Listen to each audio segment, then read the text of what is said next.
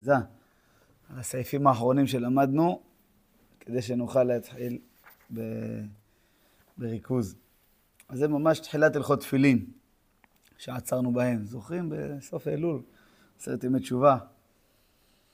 אז לשון מרן בהתחלה, אחר שלבש טלית מצויץ, יניח תפילין שמעלין בקודש. טלית, אחר כך תפילין. והמניחים כיס התפילין והטלית לתוך כיס אחד, שנמצאים הטלית התפילין בתוך נרתיק אחד, צריכים להיזהר שלא יניחו כיס התפילין למעלה, כדי שלא יפגע בהם תחילה ויצטרך להניחם קודם הטלית. למדנו את זה, כדי שלא לעבור על המצוות. אם קרה בכל זאת בטעות דבר כזה, אז יש בזה מחלוקת. לפי השולחן ערוך, צריך להניח במקרה כזה תפילין ואחר כך לתעטף בטלית.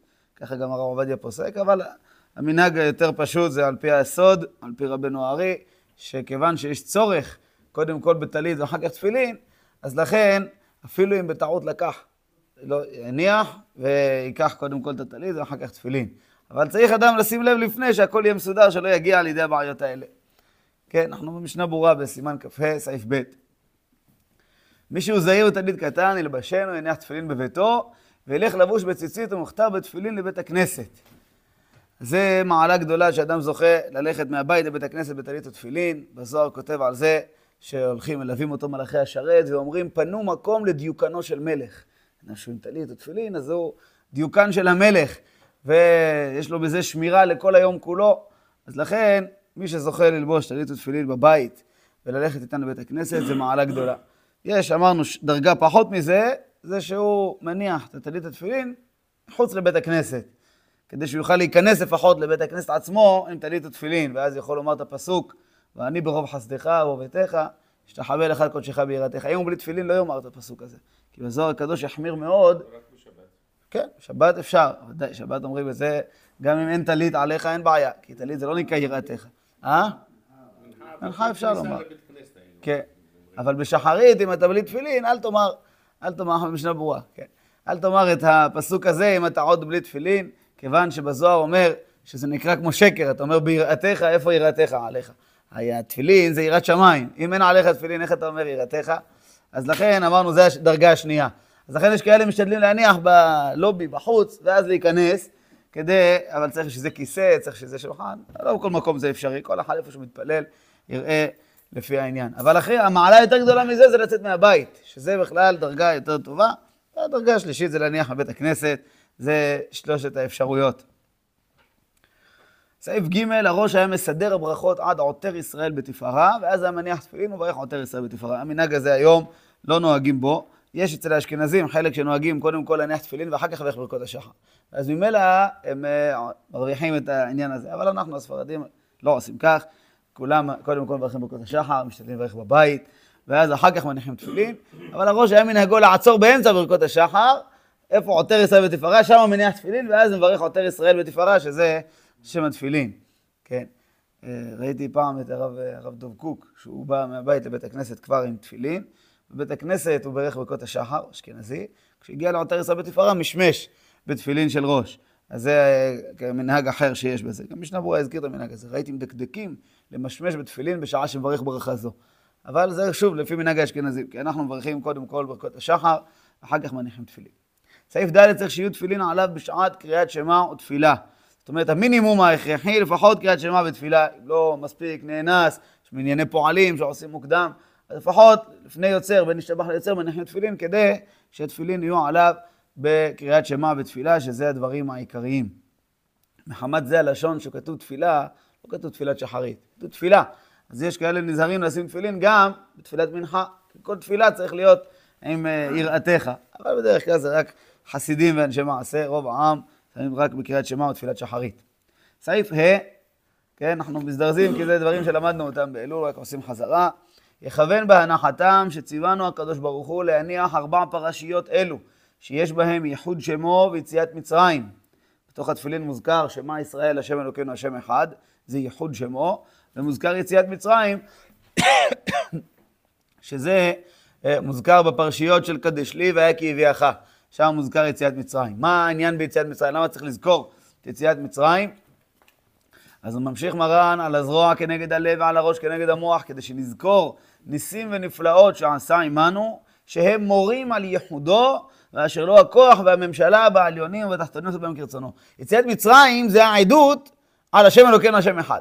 בלי זה, אתה אומר השם אלוקינו השם אחד, אבל אתה יודע את זה, אתה ראית את זה, ביציאת מצרים ראינו כולנו, כולנו. אמנם אנחנו עצמנו לא ראינו את יציאת מצרים, אבל אבותינו סיפרו לנו דור אחרי דור, דור אחרי דור, דור שראו, היו ביציאת מצרים וראו, ואז ראו איך הקדוש ברוך הוא שולט בכל הטבע. הכל כרצונו, מהפך אותו כמו פלסטלינה, אין לו הבדל כך או כך. הטבע שאנחנו רגילים אליו, זה... הוא קבע שזה יהיה כך, אבל בשבילו אין הבדל אם השמש תזרח במזרח או שתזרח במערב. אין הבדל באמת שנתברך כך או כך. בשבילו שניהם אותו דבר. אנחנו רואים את זה טבע ואת זה נס. באמת, שניהם אותו דבר. הקדוש ברוך הוא עושה את שניהם בכל יום תמיד. המחדש בטובו בכל יום תמיד מעשה בראשית. מעשה בראשית לא נברא פעם אחת וזהו. כל יום ויום מתחדש מעשה בראשית. אם רגע אחד הקדוש ברוך הוא מסיר את השגחתו, כל העולם נעלם, נעלם ממש.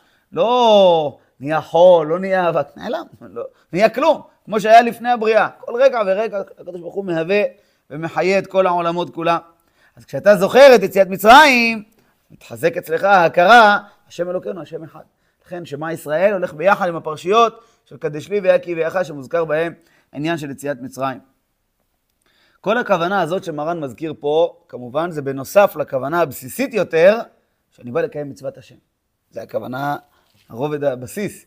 חייב בכל מצווה ומצווה צריכה כוונה. אז קודם כל, אני מכוון לקיים מצווה. בנוסף, במצוות תפילין יש כוונה מיוחדת שצריך לכוון, לזכור יציאת מצרים וייחוד השם, וזה כמו שהסברנו, אה, כיוון שכתוב בתורה על התפילין, למען תהיה תורת השם בפיך. התורה כביכול נתנה לנו סיבה, למה מניחים תפילין?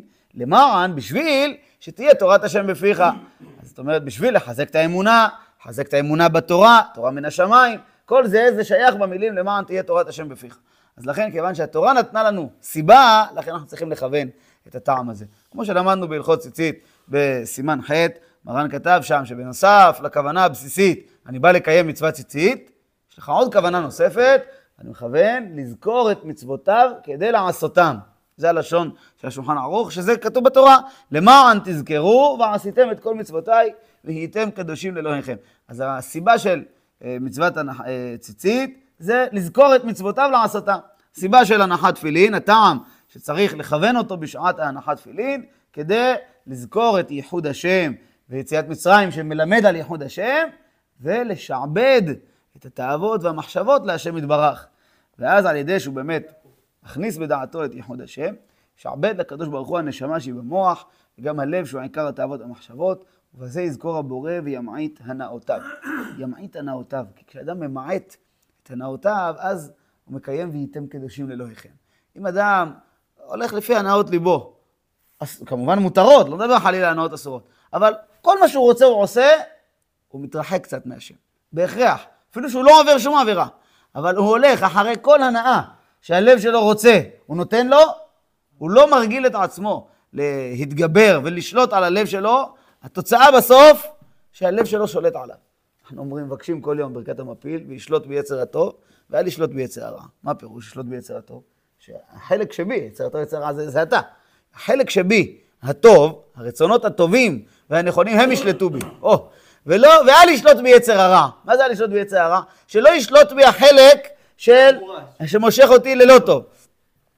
החלק הזה שמושך אותי לצד הלא טוב, שלא ישלוט בי. אז אם כן, אתה מבקש שלא ישלוט בך יצר הרע, אבל אתה נותן את כל הכוח ליצר הרע. ברגע שאתה, שוב, אני מדבר על היתר, לא על איסור. אדם שמרגיל את עצמו, שכל מה שהוא רוצה, כל הנאה שבאה לו פתאום, הוא מממש אותה, נותן לעצמו, עכשיו בא לו החטיף הזה, עכשיו בא לו הממתק הזה, עכשיו בא לו הרכב הזה, עכשיו בא לו... כל דבר, הוא רוצה איזה תאווה, מפנק את עצמו, יש לו כסף, למה לא? קונה, עושה כל תאווה שהוא רוצה, אז הוא בעצם מגדיל את הכוח של היצר הרע. מגדיל את הכוח של היצר הרע. למה? כי היצר הרע, מה הוא בעצם? הוא אומר, רגע, תתחיל בזה שכל תאווה שיש לך אתה נותן, אתה נותן לעצמך. התרגלת שאתה לא יודע להגיד לעצמך לא, קשה לך לעצור את עצמך, אחר כך הוא כבר ידע למשוך את זה למקום שהוא רוצה, למקום יותר גרוע, וגם שם לך תנסה להתמודד. אחרי שלא התרגלת בלהעמיד את עצמך במקום, לך תנסה להתמודד. אז זה אנחנו מבקשים, וישלוט ביצר הטוב ואל ישלוט ביצר הרע. אז זה מה שאומר המרן, ובזה יזכור הבורא וימעיט הנאותיו, לא הנאותיו האסורות, חלילה מי מדבר על זה? ימעיט הנאותיו המותרות, כדי שזה נקרא שאתה משעבד. אם לא, אתה לא משועבד להשם יתברך. אתה משועבד לתאוות שלך. אמנם אתה עדיין בגדר המותר, בסדר, כי יש לך הרגלים, שאתה בתוך המותר, אבל כשיבוא חלילה תאווה של איסור, לא בטוח שתצליח להתגבר. כי מעולם לא התרגלת לשעבד את עצמך באמת להשם יתברך. אז לכן, אם אדם משעבד לקדוש ברוך הוא הנשמה שהיא במוח, וגם הלב שהוא עיקר התאוות והמחשבות, בזה יזכור הבורא וימעיט הנאותיו. זה יסוד גדול שצריך תמיד לעבוד עליו.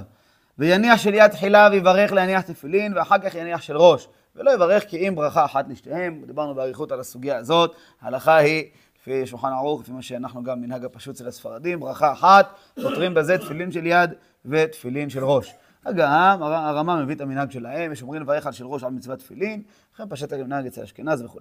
סעיף ו' אם פגע בשל ראש תחילה, צריך להעביר על אותה מצווה, ויניח של יד תחילה ואחר כך של ראש. אם בטעות אדם מוציא מהנרתיק תפילין של ראש, יניח אותו בצד, ייקח תפילין של יד. בזה, זה לכל הדעות. לא כמו בטלית או תפילין, ששם, כמו שאמרנו, לדעת השולחן ערוך, ככה פוסק מרן הרב עובדיה, שאם לקחת את התפילין לפני הטלית, שניח היום תפילין לפני טלית. כן, אמרנו, לפי הקבלה, גם במקרה כזה, תעבור על המצוות ותיקח את הטלית. אבל שם יש בזה מחלוקת, הפשטנים והמקובלים.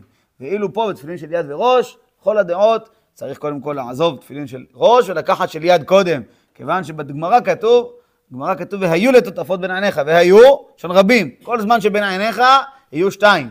אז לכן, זה דינא דגמרא, שצריך קודם כל להניח של יד, אחר כך של ראש. אז עדיף להעביר על המצוות בשביל לקיים את המצווה כתקנה, קודם כל של יד ואחר כך של ראש. אז מראש צריך להתכונן שלא יקרה דבר כזה, אדם יניח מסודר אצלו, כן, אה? צד ימין. צד ימין. אם הוא שמאלי אז אה, הפוך, יקח את התפילין השמאלי אה, קודם. אחד הימים שהייתי בבני ברק, שכחתי את התפילין בנתיבות. בלאגן גדול כל החודשיים האחרונים, ברוך השם. ברוך שפטרנו מעונשו של זה. אז כמה ימים הנחתי תפילין של אבא. אז יום אחד הנחתי של אבא והוא שמאלי, הייתי צריך להפוך. אחר כך לקחתי את של אחי, שהוא גם כן, יש לו תפילין קטנות של רש"י ורבנו תם, אבל ימני, אז זה יותר מסודר.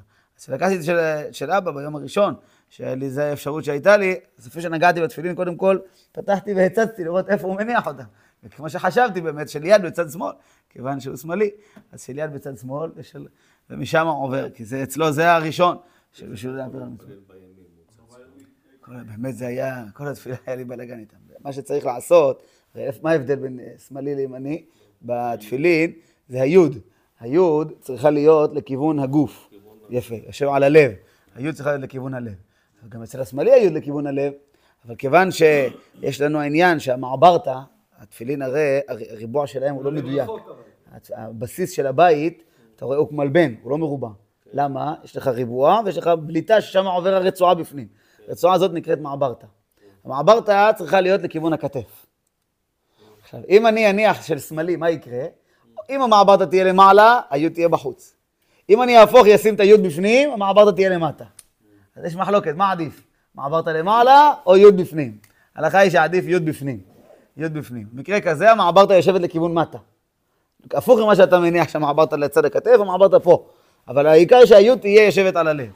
עכשיו, מה שקורה במקרה כזה, התפילין כל הזמן בורח, הוא לא יושב טוב, כיוון שהמעברת נמצאת למטה. אז כל הזמן אתה צריך את זה, שתיים ביחד בכלל, אז זה לא היה נוח. לכאורה לקחתי את של אחי. ששולט בשתי ידיים. טוב, נגיע בסימן כ"ז לראות את הדין שלו. אה, מה זה? אה, הוא מחמיר להניח פעמיים? מחמיר להניח פעמיים, טוב. בצד ימין. הוא לוקח אותם, כן, לא צריך לקנות שתיים, אז מקסימום הוא לא עשה את ההידור, זה לא דין גמור שהמעברתא צריכה להיות למעלה, זה מנהג, נגיע לזה, נראה את זה. יש דברים שצריך לדעת איזה פרטים זה דין, ואיזה פרטים זה מנהג, ואיזה פרטים זה עניין, ואז אתה יודע לשקול מה עדיף מול מה. סעיף ז', יברך להניח בקמץ תחת האב ולא בפתח ודגש. לא להניח, לא, אלא להניח, לרפות, להרפות את הנון, שהנון תהיה רפויה, יש בזה שינוי משמעות. להניח, יש בו גם משמעות של לעזוב. גם משמעות של לשים, גם משמעות של לעזוב. ואילו להניח בנון רפה, משמעות היא לשים ושזה יהיה מונח בצורה מסודרת. וזה יותר הכוונה שלנו בתפילין, שתהיה, שיהיה מונחים במקומם, יש להם מקום מסוים, ולא סתם רק להניח אותם, לשים לרגע. אלא שיהיו מונחים וקבועים שם. הדין היה כל היום, לפחות בשעת התפילה, אבל לא לשים רגע ולהוריד, לא זה המצווה, המצווה של תפילין, שיהיו עליך. אז לכן ההלכה למעשה, מברכים להניח שהנון רפה. ממילא, כיוון שהנון רפה, אז הה בקמץ. אנחנו הספרדי לא מבדילים כל כך בין הקמץ לפתח, אז אין לנו כל כך הבדל להניח אם הה בקמץ או פתח. עיקר ההבדל בנון, שהנון תהיה רפה או נון דגושה, שם באמת יש הבדל, ולכן לשים לב שלהניח יהיה רפה. אמרנו, יש עדות אחרות, אני חושב שתימנים נוהגים לומר להניח בדגש. הנה, המשנה ברורה פה מביא פסוק מפרשת השבוע, אחיכם האחד הניחו איתי, ועוון בתיכם כחוב עליכו. הניחו איתי, הכוונה היא, תשאירו אותו אצלי, תעזבו אותו פה ותלכו. אז אם כן, זה הניחו בדגש, אנחנו לא מתכוונים לזה, תעזבו אותו פה ותלכו. אדרבה, מתכוונים להניח אותם עליך. סעיף ח' כל המצוות מברך עליהן עובר לעשייתן. עובר פירושו לפני, כמו שאתה עובר מישהו, אתה מקדים אותו. כן, מביא פה פסוק, וירוץ אחימעץ דרך הכיכר ויעבור את הכושי. שם רצו להודיע לדוד המלך שאבשלום מת, אז שם היה מי ישיג, מי, היה, מי יהיה המבשר הראשון. וירוץ אחימעץ דרך הכיכר ויעבור את הכושי. מה זה ויעבור? הקדים אותו. אז לכן הפירוש, כל המצוות מברך עליהן עובר לעשייתן, הכוונה היא הברכה קודמת לעשייה. לא עושים ואחר כך מברכים, אלא מברכים ואחר כך עושים את המצווה. לפיכך צריך לברך על התפילה של יד אחר הנחה על הקיבורת קודם קשירתה. שקשירתה זוהי עשייתה. אם תברך כשאתה מחזיק את התפילין ביד, זה נקרא קודם דקודם. לא, מוקדם מדי, צריך שיהיה סמוך, תכף. תכף לברכה, לעשות את המצווה. אז לכן צריך להכניס למקום, לראות שהרצועה עוברת בצורה מסודרת, לא הפוכה, לא משהו, הכל מסודר, ואז אתה תופס את הרצועה, לפני שאתה מהדק, תברך. כי ההידוק זה המצווה, זה הקשר, שזה יהיה מונח במקום כמו שצריך. אז לכן אתה מברך, גומר את הברכה, מיד מהדק ומתחיל לכרוך כדי לקיים את הקשירה כראוי. שולחן ערוך סעיף ח'. אתה בטור? איפה אתה? דפדף לסוף, לא, אנחנו לא בטור. שולחן ערוך. אה, כן, אז סימן כ"ה סעיף ח'. כ"ה סעיף ח'. מה אתה אומר, אבשלום? איפה? לא, עוד לא, לברך קודם. לברך. שיהיה רפוי, כן, אם מהודק אז כבר התחלת את המצווה, אנחנו רוצים שלפני ההידוק, שיהיה רפוי, ואז ההידוק זה, זה הקשירה, מהודק זה הקשירה, השאר זה לתפוס אותו. אה? מי שכבר הידק. בסדר, הברכה של מצוות תפילין זה מצווה נמשכת. זה לא המצווה היא רק להניח בלבד. כן, לא, כל זמן שמונחים עליך. לשחרר וזה, או ש... אתה אומר, הוא כבר התחיל את המצווה, מה נגיד לו עכשיו להפסיק את המצווה? לא, שהוא... בוא נשאל, אדם, אדם שכבר הניח תפילין, גמר להניח. עכשיו נזכר שלא ברך תפילין, לא ברך. מה נגיד לו, תוריד, תברך ותחזיר? לא. השאלה היא למה? מי אמר שעדיף לבטל את המצווה? בשנייה שאתה הורדת, עכשיו אתה תהיה שנייה אחת בלי מצווה. כבר עליך, התחלת את המצווה, למה לבטל? בשלמה אם עוד לא התחלת, קודם כל ברכה, אחר כך מצווה. כבר הנחת בלי ברכה. אז למה להוציא ואז לברך? ההנחה שהייתה כבר היא בלי ברכה. מה אתה מברך על ההנחה שתהיה תכף? אז היא ממשיכה.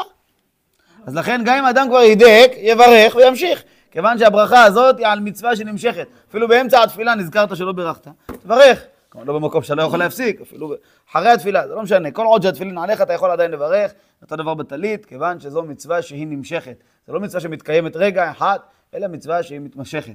זו המחלוקת שיש לגבי הדלקת נרות שבת.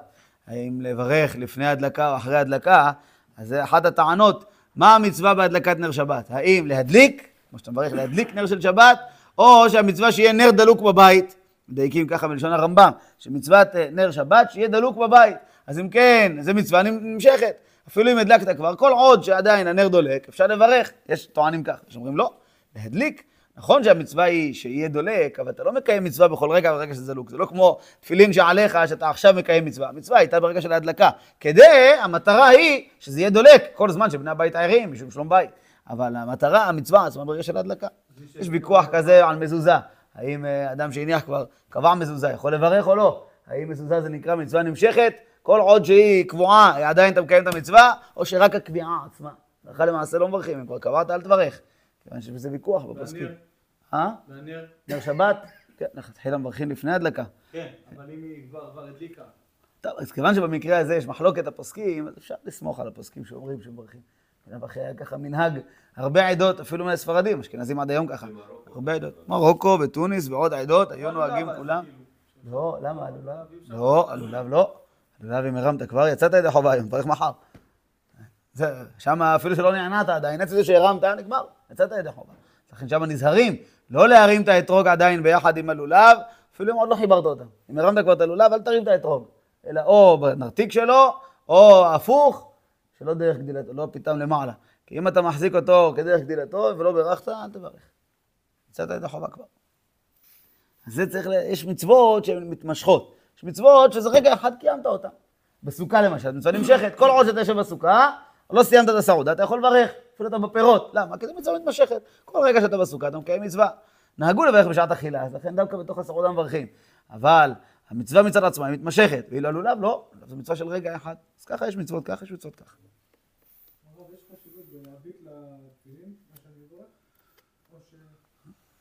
לפני, נשכים אותה. ננהג, נראה בסימן כ"ח. אחרי שכבר הנחת אותם להסתכל עליהם בברכה. לא, מדבר על תפילין של יד, תפילין של ראש אנחנו לא מברכים. כן, תפילין של יד. אתה עכשיו אה, מהדק אותם, האם להסתכל? לא ראיתי שכתוב... כן, לא, לא ראיתי שכתוב להסתכל. אה, לא, לא, לא חושב שיש בזה דבר להסתכל על המצווה. אתה מחזיק אותו.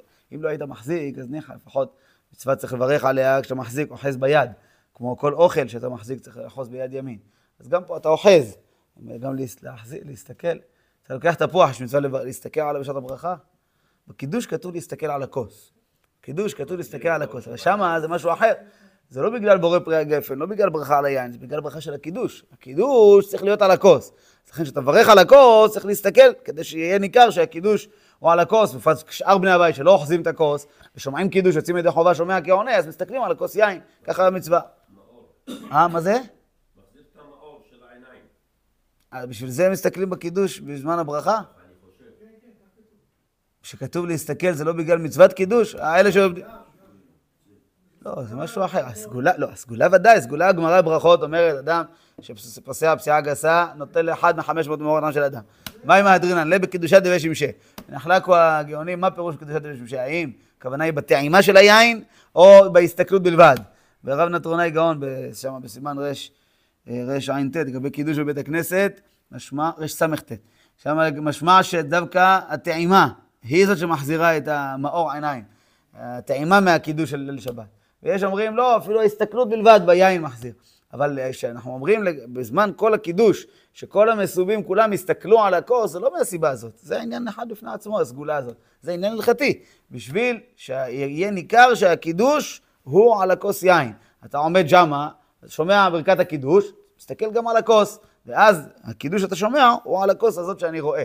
אבל בברכה שאתה עכשיו מברך על תפוח, יש עניין להסתכל על התפוח כשאני מברך עליו, להסתכל בסידור, לראות שם הוויה, לראות שם אלוקים עם הכוונות שלהם, כן, לעצום עיניים, תברך, תתרכז, להחזיק ולהסתכל עליו, לא שמענו. לא שמענו. מה זה- מצווה מתמשכת? הוא כל רגע ורגע הוא קיים עוד מצווה ועוד מצווה ועוד מצווה של זה? נכון או מאוד, נכון מאוד. איך סופרים את זה בשמיים, אתה מתכוון לומר? לא יודע. כן, הכוונה, טוב, אני לא עכשיו רוצה לומר שאדם ש... אם ככה תשאל, רגע, מה הם סופרים שם? שנייה, או דקה, אולי שבריר שנייה, אולי, תלוי איך, אתה שואל ככה, אם אתה תשאל... זה ש... מצווה מתמשכת פירושו, כן, שכל רגע שזה עליך יש לך עוד מצווה. זאת אומרת, לא דומה אדם שיחזיק, אה, אה, שהניח תפילין שעה, לאדם שהניח תפילין שעתיים, זה פשוט. הוא מקבל שכר יותר ממנו, ודאי, הוא קיים מצווה יותר ממנו, קיים יותר מצוות ממנו. אבל, אבל השאלה היא איך לספור את זה בפועל, האם כל שנייה, כל דקה, זה כבר חשבונות שמיים, לא יודע איך להגדיר דבר כזה. אבל למשל, אדם שיחזיק לולב שעה או חצי שעה, לא רואה בזה הבדל. אין בזה הבדל. הוא נענע והוא נענע, הוא קיימו את המצווה כהלכתה עם כל ההידורים, זה כוונות, זה משהו אחר. כן, הגמרא מביאה שם בסוכה ברייתא של אנשי ירושלים, שהיו כל היום עם הלולב, אבל זה חיבוב מצווה, זה לא באמת קיום מצווה, לא מקיימים מצווה כל דקה. חיבוב מצווה. רק כשהם מגיעים לבית המדרש, היו שולחים את זה הביתה. כי שם, מתוך האקשן שיש בבית המדרש, אפשר לפסול את הלולב, אולי יכה בו מישהו מתוך הקושיות והתירוצים, היו שולחים אותו הביתה. אבל שאר כל היום הולך לבקר חולים, לנחם אבלים, הולך כל הזמן, לא לנחם, אין, אין ניחום אבלים בכל הזמן. הולך כל הזמן עם הלולב. שם הברייתא מביאה לאנשי ירושלים. אבל זה לא שכל דקה מקיים מצווה, אלא חיבוב מצווה יש פה. אז יש דברים ש... אבל דברים שהם מקיים מצווה כל, כל הזמן, הכוונה היא שכל רגע ורגע, כמה זה רגע, זה כבר חשבונות שמיים. כמו שכתוב על לימוד תורה, כל מילה ומילה שאתה לומד, זה, זה מצווה. אז מה זה, מה זה פירוש מילה? דווקא מילה, אה, יש מילה קצרה, מילה ארוכה, איך מחשבנים את זה? לא ניכנס לחשבונות. בגדול מקובל לומר ככה, שבלימוד תורה כל... כן. הפשט, כן, מצווה מתמשכת משמעה שיש פה הרבה מצוות. כן. אז אתה נמצא בארץ ישראל כל רגע ורגע מצווה. אז מצווה לטייל. טייל, אה, איפה שאתה נמצא, אתה נמצא. 400 חדשות זה... יש מצוות שיותר חשובות. טוב, לכבוש זה משהו אחר. נדבר פה עכשיו לטייל, יש 400 חדשות, זה דברים שהם דרשות, לא, לא ראינו אותם. אה? כי לך את איננה, שם בהליכה הזאת הוא כובש, זה משהו אחר, הוא מחזיק בה. כן? כי לך את איננה, אבל אחרי שכבר נתן, תהלך בארץ. טוב, תלוי אולי באיזה ימים, זה ימים שמיועדים לזה, אתה בין הזמנים וכדומה, יש ימים. איפה אנחנו? אז זה אמרנו, כל המצוות, מה רצית לשאול אותך? טוב. אז אמרנו, אה, מברך עליהם לפני העשייה. אמרנו, בלימוד תורה, מקובל לומר שכל מילה זה מצווה. ככה בשם הגר"א מביאים, שכל מילה זה מצווה. ואז על פי זה החפץ חיים עושה את החשבון, שבדקה הוא ספר, עשה ממוצע, כמה מילים אדם אומר בדקה. כשאדם קורא טקסט ברצף, כמה מילים אדם אומר בדקה, אז הוא עשה חשבון ממוצע, 200 מילים בדקה בערך. כן? זה מובן, אם אדם יספור ויראה כמה זמן לוקח לו לקרוא אה, תהילים, טוב, תהילים יש מנגינה, אבל אם אתה קורא ברצף, בזריזות, 200 מילים בדקה זה סביר. זה לא מהר מדי ולא לאט מדי, זה ממוצע.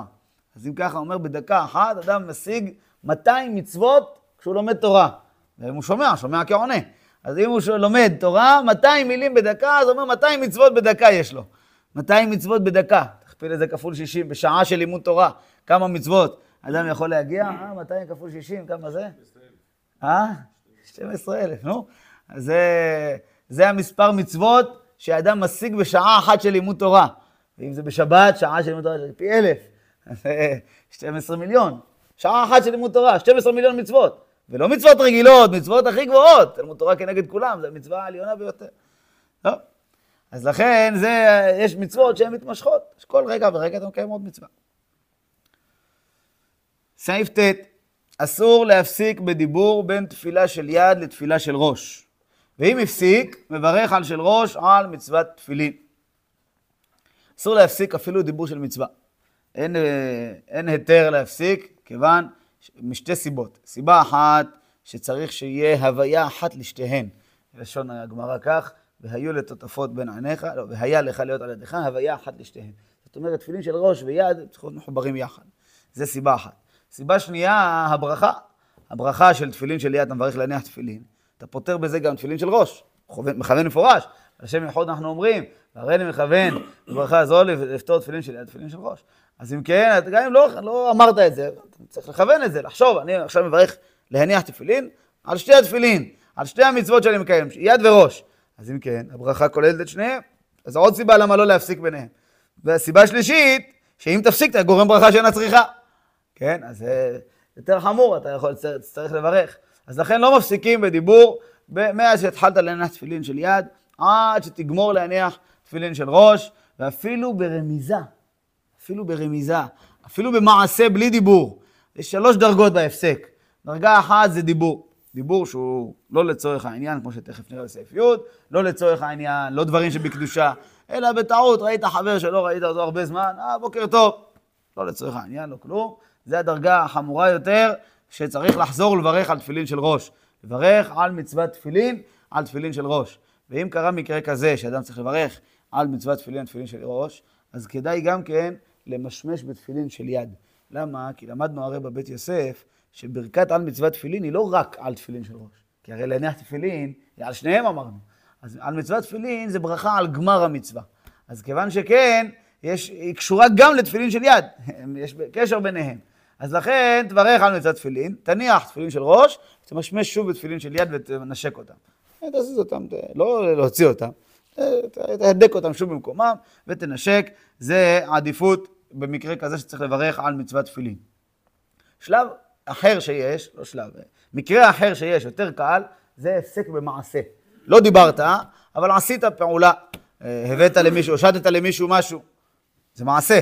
יש פוסקים שסוברים שמעשה זה גם הפסק, אפילו בלי דיבור. הלכה למעשה, אל תחזור לברך, כי לא דיברת. אבל תזהר לא לעשות את זה, כי יש סוברים שזה גם הפסק. הדרגה היותר נמוכה מזה, הפסק ברמיזה. זה לא מעשה ממש. לא עשית, לא עשית פעולה ביד, סימנת למישהו משהו, סימנת לו רגע, סימנת לו, סימון כזה. למעשה גם את זה צריך להיזהר לא לעשות. בין תפילין של יד לראש, אל תפסיק בשום דבר. אתה באמצע לעשות פעולה אחת, שלא יהיה איזה משהו מפסיק באמצע. אבל כמובן שאם עשית, אז לא חוזרים לברך, ויותר מזה, אם זה רמז לצורך מצווה, יש מקלים, ככה דעת מרן הרב עובדיה, אומר, אם הגיע עני לבית הכנסת, אל תיתן לו עכשיו צדקה, כי אתה בין, בין תפילין של יד לראש, אל תעשה מעשה של הפסק. אבל מותר לך לסמן לו רגע. זאת אומרת, שאני אגמור להניח תפילין, אני אתן לך צדקה. זה מותר. בן ישחי אומר, גם זה להיזהר, לא לעשות. אפילו רמז לא. והרב עובדיה אומר, כיוון שזה רמז לצורך מצווה, אז כן, תעשה את הרמז הזה לצורך מצווה. אבל מעשה ממש לא, אל תעשה. אז זה השלושה דרגות, שלוש דרגות שיש פה. דרגה החמורה יותר זה הפסק בדיבור, שאם הוא לא לצורך התפילין ולא דברים שבקדושה צריך לחזור ולברך. דרגה אה, פחות מזה, הפסק במעשה, שלא חוזרים לברך במקרה כזה. דרגה פחות מזה, הפסק ברמז. ושלושתם, צריך להיזהר לא לעשות אותם. יש איזה סיפור על האח של הבבא סאלי, לא? שמה היה?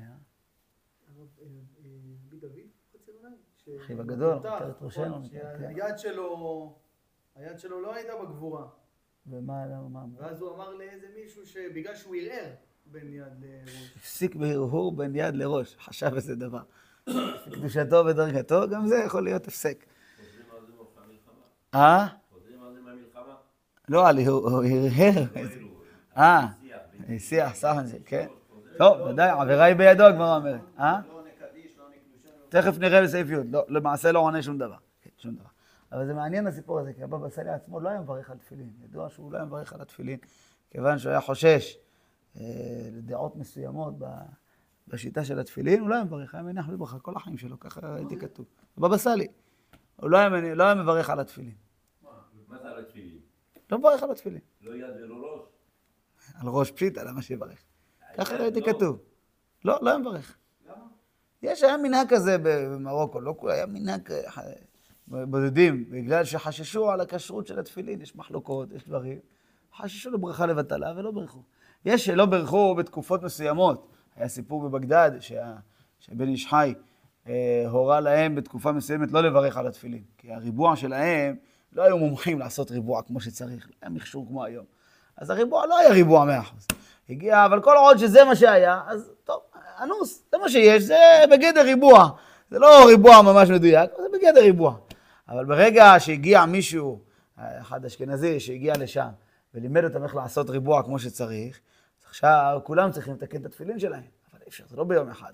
אז עד שיתקנו, הבן שלך הורה לא לברך על התפילין בזמן הזה. להניח מה שיש, טוב, עדיין אין עושים. אבל לברך, לא, כבר יש לך אפשרות לתקן. אז לכן, עד כל אחד, עד שהגיע למצב, שלב של התיקון, לא יברכו על התפילין. אז יכול להיות שבחוץ לארץ היו כל מיני חששות, אולי התפילין לא, לא היו אה, מאה אחוז, אה, אור בהמה דקה, אז לפעמים נמתח לפה לשם. אבל גם בארץ, ועוד הוא, הבבא סאלי היה קונה תפילין חדשות כל שנה. כל שנה מניח תפילין חדשות. יכול להיות משהו לא... כל שנה תפילין חדשות ולא מברך. ככה אני זוכר, פעם ראיתי, שנים. תחפשו, תבדקו, אבל ככה מונח לי. אז זה מעניין, אתה אומר שאחיו כנראה, אם הוא יראה, אבל יכול להיות שלא, גם אם נגיד שלא מברך, עדיין יש, עניין לא להפסיק ביניהם גם בלי ברכה. לגבי תפילין של רבנו תם, כתבו הפוסקים, שאפילו שאנחנו לא מברכים על תפילין של רבנו תם, צריך להיזהר לא להפסיק ביניהם, כיוון שההוויה אחת לשתיהם זה שייך גם בתפילין של רבנו תם. אז הסברנו שיש שתי סיבות למה לא מברכים, למה לא להפסיק בין יד לראש. חילקנו אותה לשלוש, אבל בגדול הם שתיים. אחד זה עניין שקשור לברכה, ופה יש שתי נקודות, שהברכה חוזרת על שתיהם, וגם שלא לגרום ברכה שאינה צריכה, והסיבה השנייה, הוויה לשתיהם. אז גם כשאין ברכה, עדיין יד וראש זה, מצו... זה מחובר. הוויה, שתי מצוות שהן צריכות להיות מחוברות. אז לכן למעשה, גם בתפילין שלא מברכים עליהם, כמו תפילין של רבנו תם, לא מפסיקים בדיבור בין תפילין של יד לתפילין של ראש. ולכתחילה אסור אפילו להפסיק בשתיקה, אם זה אה, שהייה ארוכה שאינה לצורך, לא עושים דבר כזה אפילו בלי הסחת דעת, כיוון שזה, אה, כיוון שגם זה בגדר של הפסק שהייה. יש ויכוח בין האחרוני זמננו, האם להוריד את השרוול של החולצה או לא להוריד. למה? מצד אחד, יש עניין להוריד את השרוול של החולצה, לכסות התפילין, כי תפילין של יד צריכות להיות מכוסות. שנאמר, והיה לך לאות על ידך. לך לאות ולא לאחרים לאות.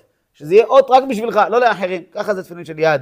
להפך מראש, שהם, טוב שיהיו מגולות, שכול- וראו כל עמי הארץ. גם על פי הקבלה שיש נוהגים לכסות התפילין של ראש, עדיין הן ניכרות בבליטה שלהם, הן אה, במקום בולט. אבל של יד הן מכוסות בפנים, מוצנע, אף אחד לא רואה את התפילין של יד. אז תפילין של יד, טוב שיהיו, צריכים להקפיד שיהיו מכוסות. אפילו בשעת ההנחה עצמה, יש מחמירים, על פי הסוד, כף החיים, וכתבו את זה, שאדם יכסה את עצמו בטלית, ויניח את התפילין בתוך, אפילו נמצא במקום חשוך שאין שם אף אחד, אפילו בית אפל, שאין אף אחד מסביב, צריך להצניע את התפילין.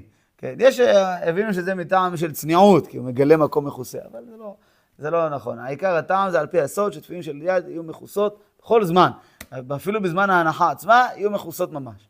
אז לכן, מיד אחרי שהניח תפילין של יד וכרך שבע כריכות, אז מיד יוריד את השרוול כדי לכסות את התפילין של יד, כדי שיהיו מכוסות. מצד שני יש אומרים, כיוון שזה לא אה, דין, אתה, אתה כבר אה, צריך שלא יהיה הפסק, אז תניח קודם כל תפילין של ראש, אחר כך תוריד את השרוול.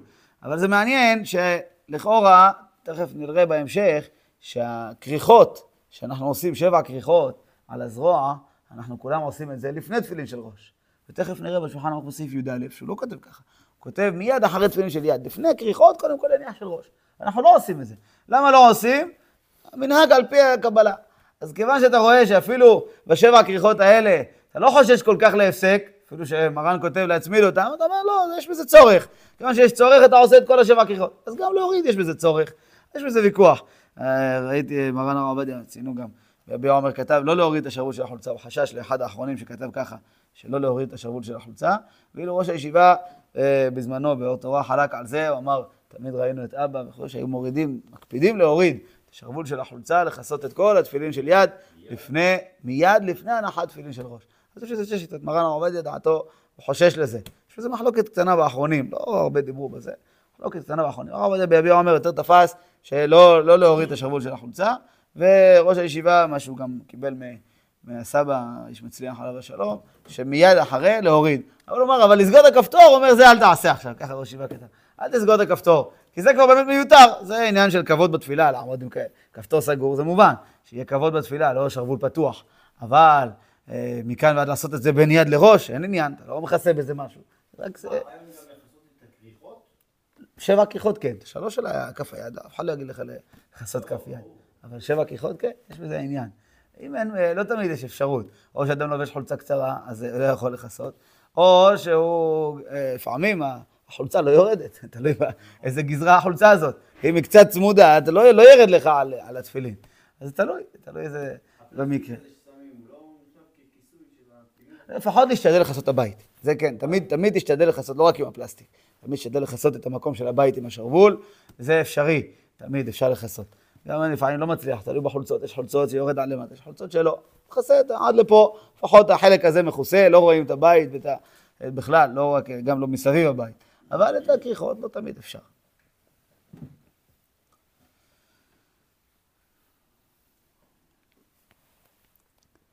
ואם הפסיק, אמרנו מברך על של ראש על מצוות תפילין. הגהה, לפי אשכנזים ולדידן, לפי מנהג האשכנזים שנוהגים לברך שתי ברכות אפילו אם לא הפסיק, צריך לחזור לברך על של ראש להניח וגם על מצוות אשכנזים. אם דיבר בין יד לראש, אז הוא מברך על ראש שתי ברכות, גם להניח וגם על מצוות, כיוון שאצלם בכל יום מברכים שתיים, להניח על יד ועל מצוות על ראש. אז אם דיבר, יש לו שלוש, להניח על יד ולהניח ועל מצוות על של ראש, ככה המנהג של האשכנזים, על פי מה שלמדנו את השיטה הזאת בבית יוסף. ברוך אלוהינו מלך העולם שהכל נהיה בדברו. נחמן, חסות את התפילין בתפילה? כל היד? תשתדל, אם יש לך אפשרות, שהיד תהיה מכוסה, זה הכי טוב. אם אה, אין אפשרות, אה, החולצה שלא מאפשרת את זה, לפחות תשתדל שהמקום של התפילין עצמו יהיה מכוסה. כן, אפשר, אפשר, נכון. יש כאלה שמתפללים עם חליפה מצד כבוד לתפילה, שחליפה זה בגד עליון, אבל בתפילת שחרית שיש את הטלית, אז מעיקר הדין לא צריך, הטלית היא בגד עליון, זה לא עובד, לא עומד עם חולצה, שזה חיסרון כביכול בכבוד אה, לעמוד כך לפני המלך, מי שרגיל, מי שרגיל בזה, מי שלא רגיל אף פעם ללבוש חליפות, בסדר, אבל מי שרגיל במקום מכובד לובש חליפה, אז ודאי שלפני המלך הוא גם כן צריך ללבוש חליפה. אז במקרה כזה, בתפילת שחרית יש בגד עליון שזה הטלית. ככה המנהג שלנו פשוט, וככה אה, גדולים גם שנוהגים כך, ויש, בפרט המנהג של על פי הישיבות, מקובל שמה מאוד מאוד להקפיד על חליפה בתפילת שחרית. אבל מצד שני, אתה רואה דבר מוזר. זאת אומרת, יד ימין מכניסים בחליפה, יד שמאל לא תיכנס, לא תמיד תיכנס עם התפילין בחליפה. אז מה שמעבירים את החליפה מפה, קושרים פה, סוגרים את הכפתור, והחליפה באה מפה. אתה רואה פה שרוול מדלדל באוויר. אה? אה, עם המעיל שלו? כן. אז זה קצת מוזר. לא יודע, העולם, העולם רגילים בזה הרבה, בפרט בישיבות וזה, ככה. וזה באמת דבר תמוה, לכאורה עדיף להיות בלי חליפה מאשר להיות עם חליפה כזאת, ששרוול מדלדל פה והכל חליפה חצי הפוכה, אז יש בזה חוסר כבוד לכאורה. אבל העולם, אה, ודאי, הרבנים גדולים עושים כך, אבל אה, אנחנו מנהגנו לא ככה. ראש הישיבה כתב בזה בזמנו תשובה, שככה גם בחוץ לארץ המנהג הפשוט גם של הרבנים, שהיו תמיד מקפידים על בגד העליון, כמובן בתפילות, אה, בכל התפילות, בתפילת שחרית, לא, יש את הטלית, זה הבגד העליון, שהוא, ה... שהוא לכבוד התפילה בתפילת שחרית, כיוון שיש טלית. ואם כבר אתה רוצה ללבוש חליפה, לפחות תשים אותה כמו שצריך, ולא חצי-חצי. מה שאתם מברכים אם אה, מדברים? שלוש ברכות. להניח על של יד, ואחר כך דיבר, אז להניח ועל מצוות על של ראש. שתי הברכות חוזר עליהן, כן. הסברנו, הסברנו את זה, איך זה בגמרא במנחות. אה? אחד אחרי השנייה. כן, כן, מברך שתי ברכות ברצף, כמו ש... כן, כמו שיכול להיות לפעמים, כמו שמברכים לפעמים ברכה ושהחיינו, שתי ברכות ברצף. כמו בחנוכה, זה להיות שתי ברכות, ואז מדליק. סעיף י' אם סח לצורך תפילין, אינו חוזר ומברך. סעיף ט' זה היה הפסק בדיבור שלא לצורך. אז כיוון שזה היה לא לצורך, חוזר לברך ומברך על של ראש על מצוות תפילין. אבל אם הדיבור היה לצורך תפילין, כגון אה, תסדר לי את הקשר של הדלת, או את ה- אה, משהו שקשור לעניין של התפילין, לכתחילה גם בזה לא ידבר. ירמוז, יעשה תנועה שיבינו אותו. אבל אם אין לו ברירה והוא דיבר, או אפילו בטעות, אבל זה היה לצורך התפילין, חלק מהעניין של הנחת התפילין, זה לא הפסק. פה אפילו בין הברכה להנחה הראשונה של היד, זה גם כן בדיעבד לא הפסק. למה? כיוון שזה לצורך. זה דומה למה שכתוב בגמרא על אדם שברך המוציא לחם מן הארץ, ולפני שטועם מהלחם, אומר אביהו מלח. אביהו מלח, אביהו לפתן. זה לא נקרא הפסק. לא מדובר בין הנטילה להמוציא, מדובר בין המוציא לטעימה. ברך המוציא לחם מן הארץ. לפני שטועם מהלחם, אמר אביהו מלח, זה לא נקרא הפסק. מעשה לא עושים את זה, לא, תחילה לא יפסיק בדיבור. אבל אם הוא הפסיק בהפסק כזה, שהוא מצורך, צורך האכילה, יאכל לחם בלי מלח, האמת, הלחם שלנו, פוסקים כתבו, עיקר הדין לא צריך מלח, כי יש בו טעם טוב. שמים בו מלח, שמים בו סוכר, שמים בו שמן, יש בו כמה דברים, והלחם שלנו הרגיל, יש בו טעם טוב, הוא לא לא אכיל, הוא לא טפל בלי לפתן איתו יחד. לכן מעיקר הדין, אדם שמברך על לחם, בכל, הש... בכל היום ויום שאדם מברך על הלחם, מעיקר הדין לא צריך לטבול במלח. מה שנוהגים לטבול במלח זה על פי הסוד, שיש עניין שמלח תמיד יהיה על השולחן, כמו. בזכר למזבח, שגם שמה ולא תשבית מלח ברית אלוהיך מעל מנחתך. אז השולחן של האדם הוא במקום מזבח, שולחנו של אדם מכפר עליו, במקום המזבח, לכן צריך להיזהר דברי תורה על השולחן וכ- וכולי. אז לכן, על פי הסוד משתדלים לטבול במלח, כשיש מלח, משתדלים לטבול במלח. נכון מאוד, יש, יש נוהגים לטבול בלפתן. וזה שייך בזמנו, כשהיה לחם באמת צריך מן הדין מלח, אז אם אין לך מלח תטבול בלפתן, כדי שיהיה בו טעם כלשהו, טעם של, של סלט לפחות. בסלט יש גם מלח. אבל היום שכל הטבילה במלח היא לא לצורך הטעם, אלא לצורך על פי הסוד, אז לכן עדיף לטבול בלחם, של לחם אותיות מלח, מאשר לטבול באיזה לפתן אחר, סלט אחר, שאין בו שייכות ממש למלח. ככה כתבו על פי הסוד. שוב, בזמנו שהיו הטבילה מן הדין, אז היה עניין לטבול בסלט כשאין מלח. אבל בזמננו שהטבילה במלח היא רק על פי סוד, בשביל להרוויח את הסוד של המלח, אז כשאין מלח טובלים בלחם עצמו, שזה גם כן אותיות מלח ויש בו את אותו הסוד. אז פה, אם סך לצורך התפילין, זה אותו רעיון. כיוון שזה לצורך, לא מברך על תפילין של ראש, כיוון שסוף סוף זה היה חלק מהעניין של הנחת התפילין. כמו שאמרנו שם, בלחם, כמו בשאר הדברים, שזה דבר שהוא לצורך ממש, זה לא נקרא הפסק. לכתחילה גם בזה לא מפסיקים, אבל אם הפסיק לא, לא מברך. עכשיו, חצי השני של סעיף י', אם שמע קדיש או קדושה בין תפילה של יד לתפילה של ראש, לא יפסיק לענות עמהם, אלא שותק ושומע ומכוון למה שאומרים. אז מרן פוסק שאם שמעת דברים שבקדושה, לא להפסיק. אבל אם הפסיק, מה הדין? יברך או לא יברך? לא יברך. מרן לא כותב, איפה הוא כתב, כתב לא יברך? אם הוא סתם, כתוב כאן בט', דברים של עלמא ויברך. או. כאן זה דברים של קדושה. לא, אבל רגע, סעיף י' היה, אם סך הצורך תפילין. למה, למה אם תתעסק ליהוד? מרן כותב, אם הפסיק, ברך. אם זה נקרא הפסק, אז למה לא יברך? אם מרן כותב, לא יפסיק לענות עמהם, אז לא יפסיק, כמו שהשני. נו. דיבור. נכון? דיבור, כל דיבור. לא, אסור להפסיק זה כל דיבור. אפילו, במשנה ברורה כותב לך דיבור, אפילו דיבור של מצווה. כל דיבור זה נקרא להפסיק. האסור זה כל דיבור כולל. למה סותר?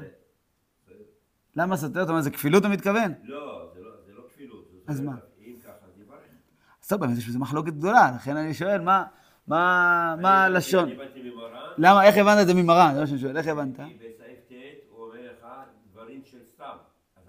הוא לא כתב דברים של סתם, הוא כתב אסור לעסק בדיבור, לא כתב איזה דיבור. הכל, אומר הכל. למה? אדרבה, הסתמות של הדברים. שלא קשור לתפילין, או לקדושה, תברך. אז זאת אומרת, אבל כאן טוב, אז באמת, אני ארחיב מה שאתה אומר, באמת זה נכון. בסעיף י', ההתחלה שלו, אם סח לצורך תפילין, אינו חוזר ומברך. אחר כך מרן עובר לדין של דברים שבקדושה. דברים שבקדושה, מי שיראה בטור, היו הדברים שבקדושה נמצאים ביחד עם סעיף ט', שאסור להפסיק בדיבור, ואפילו דברים שבקדושה, אפילו קדיש, אפילו קדושה, ואם סח, מברך. זה הטור. מרן שינה את הסדר, כתב אסור להפסיק בדיבור, ואם הפסיק, צריך לברך. אחר כך את הקדיש וקדושה שיבץ היטב בסעיף י', ששם הדין, שאם דיבר לצורך התפילין לא חוזר לברך, שם הוא שם את הדין של קדיש וקדושה. אז משמע מהסדר שמרן סידר, שבאמת על קדיש וקדושה, דברים שבקדושה אם הפסיק, לא יחזור לברך. ולכן מרן לקח את הדין הזה של דברים שבקדושה מסעיף ט', ששם אם הפסיק חוזר ומברך, כי זה דברים של חול, לקח את זה לסעיף י', ששם אם הפסיק, אה, בכל זאת לא חוזר ומברך. יש, יש מקום גם לחלק, הדיבור, אפילו שכתוב דיבור של מצווה, אבל לא הכוונה היא דיבור של קדושה. זאת אומרת, יש הבדל בין לענות קדיש או קדושה, לבין דיבור של מצווה אחר, הוא התחיל לקרוא פסוקים. משהו אחר, התחיל לקרוא עכשיו אה, הללויה, התחיל לקרוא הודו, לפני שנהיה תפילין של ראש, פה ודאי שיחזור לברך. מה אכפת לי שאמרת פסוק, וכי הפסוק הזה זה לא הפסק? זה הפסק. מתי אנחנו אומרים שזה לא הפסק? לענות. לענות קדיש וקדושה, יש מחלוקת פוסקים. יש, רבנו תם אומר לך, אתה חייב לענות, אפילו שאתה באמצע להניח. כיוון ששמעת קדיש, אתה חייב לענות. ויש לעומת זאת הראש, שאומר לך, לא, אסור לך לענות. אז כיוון שמה ספק ברכות להקל. אם ענית, אז אל תברך, כי יש פוסקים שאומרים שמותר לך לענות, לכתחילה אתה צריך לענות. מכוח ספק. אז רגע, שנייה, זה שלב הבא. קודם כל נדבר על הענייה עצמה. מרן פוסק לא להפסיק, לא לענות דברים שבקדושה. אבל לא נדבר על פסוקים. פסוקים זה לא דברים שבקדושה. פסוקים זה הפסק של סעיף ט'. אם אדם הפסיק באיזה פסוק, באיזה משהו, ודאי שיחזור לברך. ההפ- ההפסק שמרן מדבר פה זה דווקא דברים שבקדושה, לענות. כיוון שלענות, יש פוסקים שאומרים שאתה חייב לענות. אז ההלכה היא לא לענות, אבל אם ענית בטעות, לא חוזר לברך. ככה הלכה למעשה לדידן, המשנה ברורה לא פוסק ככה. המשנה ברורה פוסק, גם דברים שבקדושה יברך אם טעה וענה. אבל למעשה אנחנו חוששים ספק ברכות להקל, ולא יחזור לברך. עכשיו, מה הפטנט, הפתרון שמרן נותן לו? תשתוק, ותקשיב, תכוון לצאת ידי חובה בשמיעה. כמו שאנחנו מכירים את הפתרון הזה בתפילת שמונה עשרה, ששם אסור לענות קדיש, ואסור לענות קדושה, ואם שמעת קדושה, תשתוק, תשמע מהשליח ציבור קדוש, קדוש, קדוש, שם צבאות מלוך על הארץ כבודו, תכוון לצאת ידי חובה, ושליח ציבור מכוון להוציא את כולם. אם אני שותק, ואני יודע ששליח ציבור מתכוון להוציא אותי, ברור. אבל אם אני יודע ששליח ציבור לא מתכוון לשום דבר, אז מה הטעם בזה? נכון, האמת שמרן פה לא כתב שליח ציבור, כתב שותק ושומע ומכוון למה שאומרים. זאת אומרת, משמע, משמע אפילו, השליח ציבור, או הבן אדם שאומר קדיש, הוא מתכוון להוציא אותי. כן? אבל אם הוא לא מתכוון להוציא אותי, טוב, אז הפוסקים באמת כתבו לגבי אה, תפילת שמונה עשרה, שאם אתה יודע שהשליח ציבור הזה הוא לא שליח ציבור קבוע, הוא לא יודע את ההלכות ואת הדברים האלו, טוב וואלה. אז במקרה כזה אין לך כל כך מה לעצור ולשמוע ולהקשיב, כי הוא לא בטוח שהוא מכוון. היום בסידורים עשו ככה כותרת, השליח ציבור יכוון להוציא, להוציא ידי חובה את מי שנמצא באמצע התפילה ולא יכול אה, לענות. אז אם ככה... אבל אה. אבל בדיוק, שמע ברכה אחרת. מה שייך להגיד פה, שותק ושומע, מכוון למה שאומרים. מה שייך לכוון למה? אם אין פה אף אחד, יש פה מישהו חבר לידך, שברך להניח תפילין. תשתוק ותכוון אמן בראש? יכול להיות שזה הכוונה, לכוון לענות אמן במחשבה, מדין, אבל אין פה, הכוונה של מרן זה מצד שומע כעונה. איפה הבית יוסף? מרן עכשיו כתב שם מדין שומע כעונה. שומע כעונה, זה דווקא אם אתה שומע את מישהו שענה אמן, יכול לכוון גם כן מצד שומע כעונה. אבל אם לא שמעת מישהו שענה, איך אפשר להגיד? אם יש מניין באמצע עם קדושה, וזה מישהו באמת אה, שומע שמתחילים כאילו קדושה. נקדישה, וזה הוא בכלל יושב, הוא רק הניח תפילין. אז יש פתרון. כאילו? אז יש פתרון, יש פתרון, שאם התחלת להניח תפילין של יד בדיוק, ואתה שומע שהם מתקרבים ממש לקדושה, אז אל, ת, אל, ת, אל תכרוך את השבע כריכות על היד. תעשה איזה כהידוק, כריכה אחת שזה יהיה תפוס, מיד תניח של ראש, ואז תוכל לעמוד פעם קדושה, ואחר כך תשב להניח של שבע כריכות ביד. ככה כתב מאמר מרדכי, והביאו את זה האחרונים, הסכימו איתו למעשה. כיוון שבאמת מעיקר הדין לא היינו צריכים להניח, לעשות את השבע כריכות של יד אה, בין יד לראש, אלא זה על פי הסוד נוהגים ככה. כשיש לך להרוויח קדיש או קדושה, אה? לא, לא, לא, גם מרן מזכיר את זה. רק הארי, אתה מתכוון על זה, להניח את זה בין יד לראש. כן, השבע כיכות עצמם, גם מרן מזכיר אותם. זה מנהג, שבע זה מנהג. לא, היום כולם עושים שבע. אבל בעבר זה מנהג, זה, זה לא מעכב. אנחנו נראה בסעיף כ"ז שזה מנהג. המנהג הזה יש לו סימוכין, יש לו שורש, אבל הוא לא חלק ממצוות תפילין. זה לא ממש חלק מהמצווה של תפילין.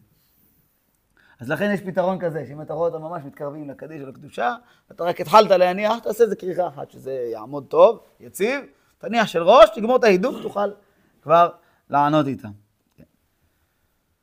אז לכן הדין הזה של אה, שמיעת קדיש, קדושה וכולי, זה שונה מהדין של שאר הדיבורים, הוא באמצע. מצד אחד לא עונים, מצד שני אם ענית, אל תחזור, אל תברך על תפילין של ראש, כיוון שיש פוסקים שאומרים שאפשר לענות, אז אם כן אתה נמצא שוב בספק ברכות להקל, ולכן לא יענה במקרה כזה. אם הוא מניח תפילין של רבנו תם, שאז אה, יש פה גם כן מצד אחד לא להפסיק, כמו שאמרנו בסעיף ט', הוויה אחת לשתיהם, נכון? אין ברכה, תפילין של רבנו תם לא מברכים. אבל יש לך אה, שיהיו שניהם מחוברים יחד. מצד שני, יש לך קדיש וקדושה. אז מה עדיף? אין פה ברכה. זה לא כמו הנידון הקודם שהיה פה ברכה, יש ברכה, אז אני אומר, אל תענה. יש כאן פתרון. מה הפתרון? טוב, אתה מחדש, מחדש לנו פתרון, כי מדומה שהבן איש חי אה, הזכיר את הפתרון הזה, אבל למעשה לא חייב עד כדי כך לעשות. הוא אומר, ושמעון אומר, יש לנו פתרון. תעשה, אם, הנחת תפילין של יד של רבנו תם, עכשיו שמעת קדיש, לא תספיק להניח של ראש לבינתיים. אז אה, מה, קודם כל נשאל, מה הדין במקרה כזה? יענה או לא יענה? התשובה היא למעשה שיענה. כיוון שאין פה ברכה, אז מה יש? עניין של לחבר את יד וראש ביחד, הוויה אחת לשתיהם. אז זה דווקא בדיבורים אחרים, אסור לדבר, אפילו שאין ברכה, הוויה אחת לתפילין יד וראש ביחד. אבל לגבי דברים שבקדושה, שבלאו הכי יש פוסקים שאומרים לענות, אז אם כן אנחנו אומרים, אפשר לענות. בפרט, יש אה, מקום להוסיף, שרבנו תם הוא זה שדעתו לענות דברים שבקדושה. ואתה מניח פה תפילין בשביל שיטת רבנו תם. דתבה לעבדילה, מה שהוא סובר. הוא סובר שאני מניח תפילין בשביל לצאת ידי חובת רבנו תם. שיטתו, זה לא רק הוא, אבל שיטתו. ולפי שיטתו גם עונים דברים שבקדושה בין יד לראש. אז אם ככה, אני מסתדר עם רבנו תם במאה אחוז. כשאני מניח את התפילין שלו, אני נוהג לפי דעתו ועונה דברים שבקדושה. אז ככה למעשה, אדם עונה דברים שבקדושה על, אה, על, אה, באמצע תפילין של יד לראש של רבנו תם, כיוון שאין שם ברכה. אבל יש פתרון כזה שכתבו שיענה, אחר כך יחלוץ של יד ויניח אותה מחדש, כדי שיהיה הוויה אחת לשתיהם. ככה בן איש חי כמדומה יחמיר, אבל זה לא, לא מוכרח לעשות ככה, זה חומרה, חומרה בעלמא, מי שרוצה להחמיר כבר בן איש יכול להחמיר, אבל גם מרן הרב עובדיה, גם ראש הישיבה בהערות של בן איש חי, כתבו שלא צריך להחמיר את החומרה הזאת, לחלוץ תפילין של יד, כי באמת מן הדין, כשאין ברכה, בפרט שזה תפילין של רבנו תם, אפשר לענות דברים שבקדושה, לא הוא ברוך שמו, אבל אה, קדיש, קדושה, אמן בברכות, גם כן אפשר לענות בין תפילין של יד לראש בשיטת רבנו תם. ברוך אדוני לעולם, אמן ואמן, ושברך אבותינו הקדושים יעקב, לברך וישמור מצווה הזאת, השם הטוב.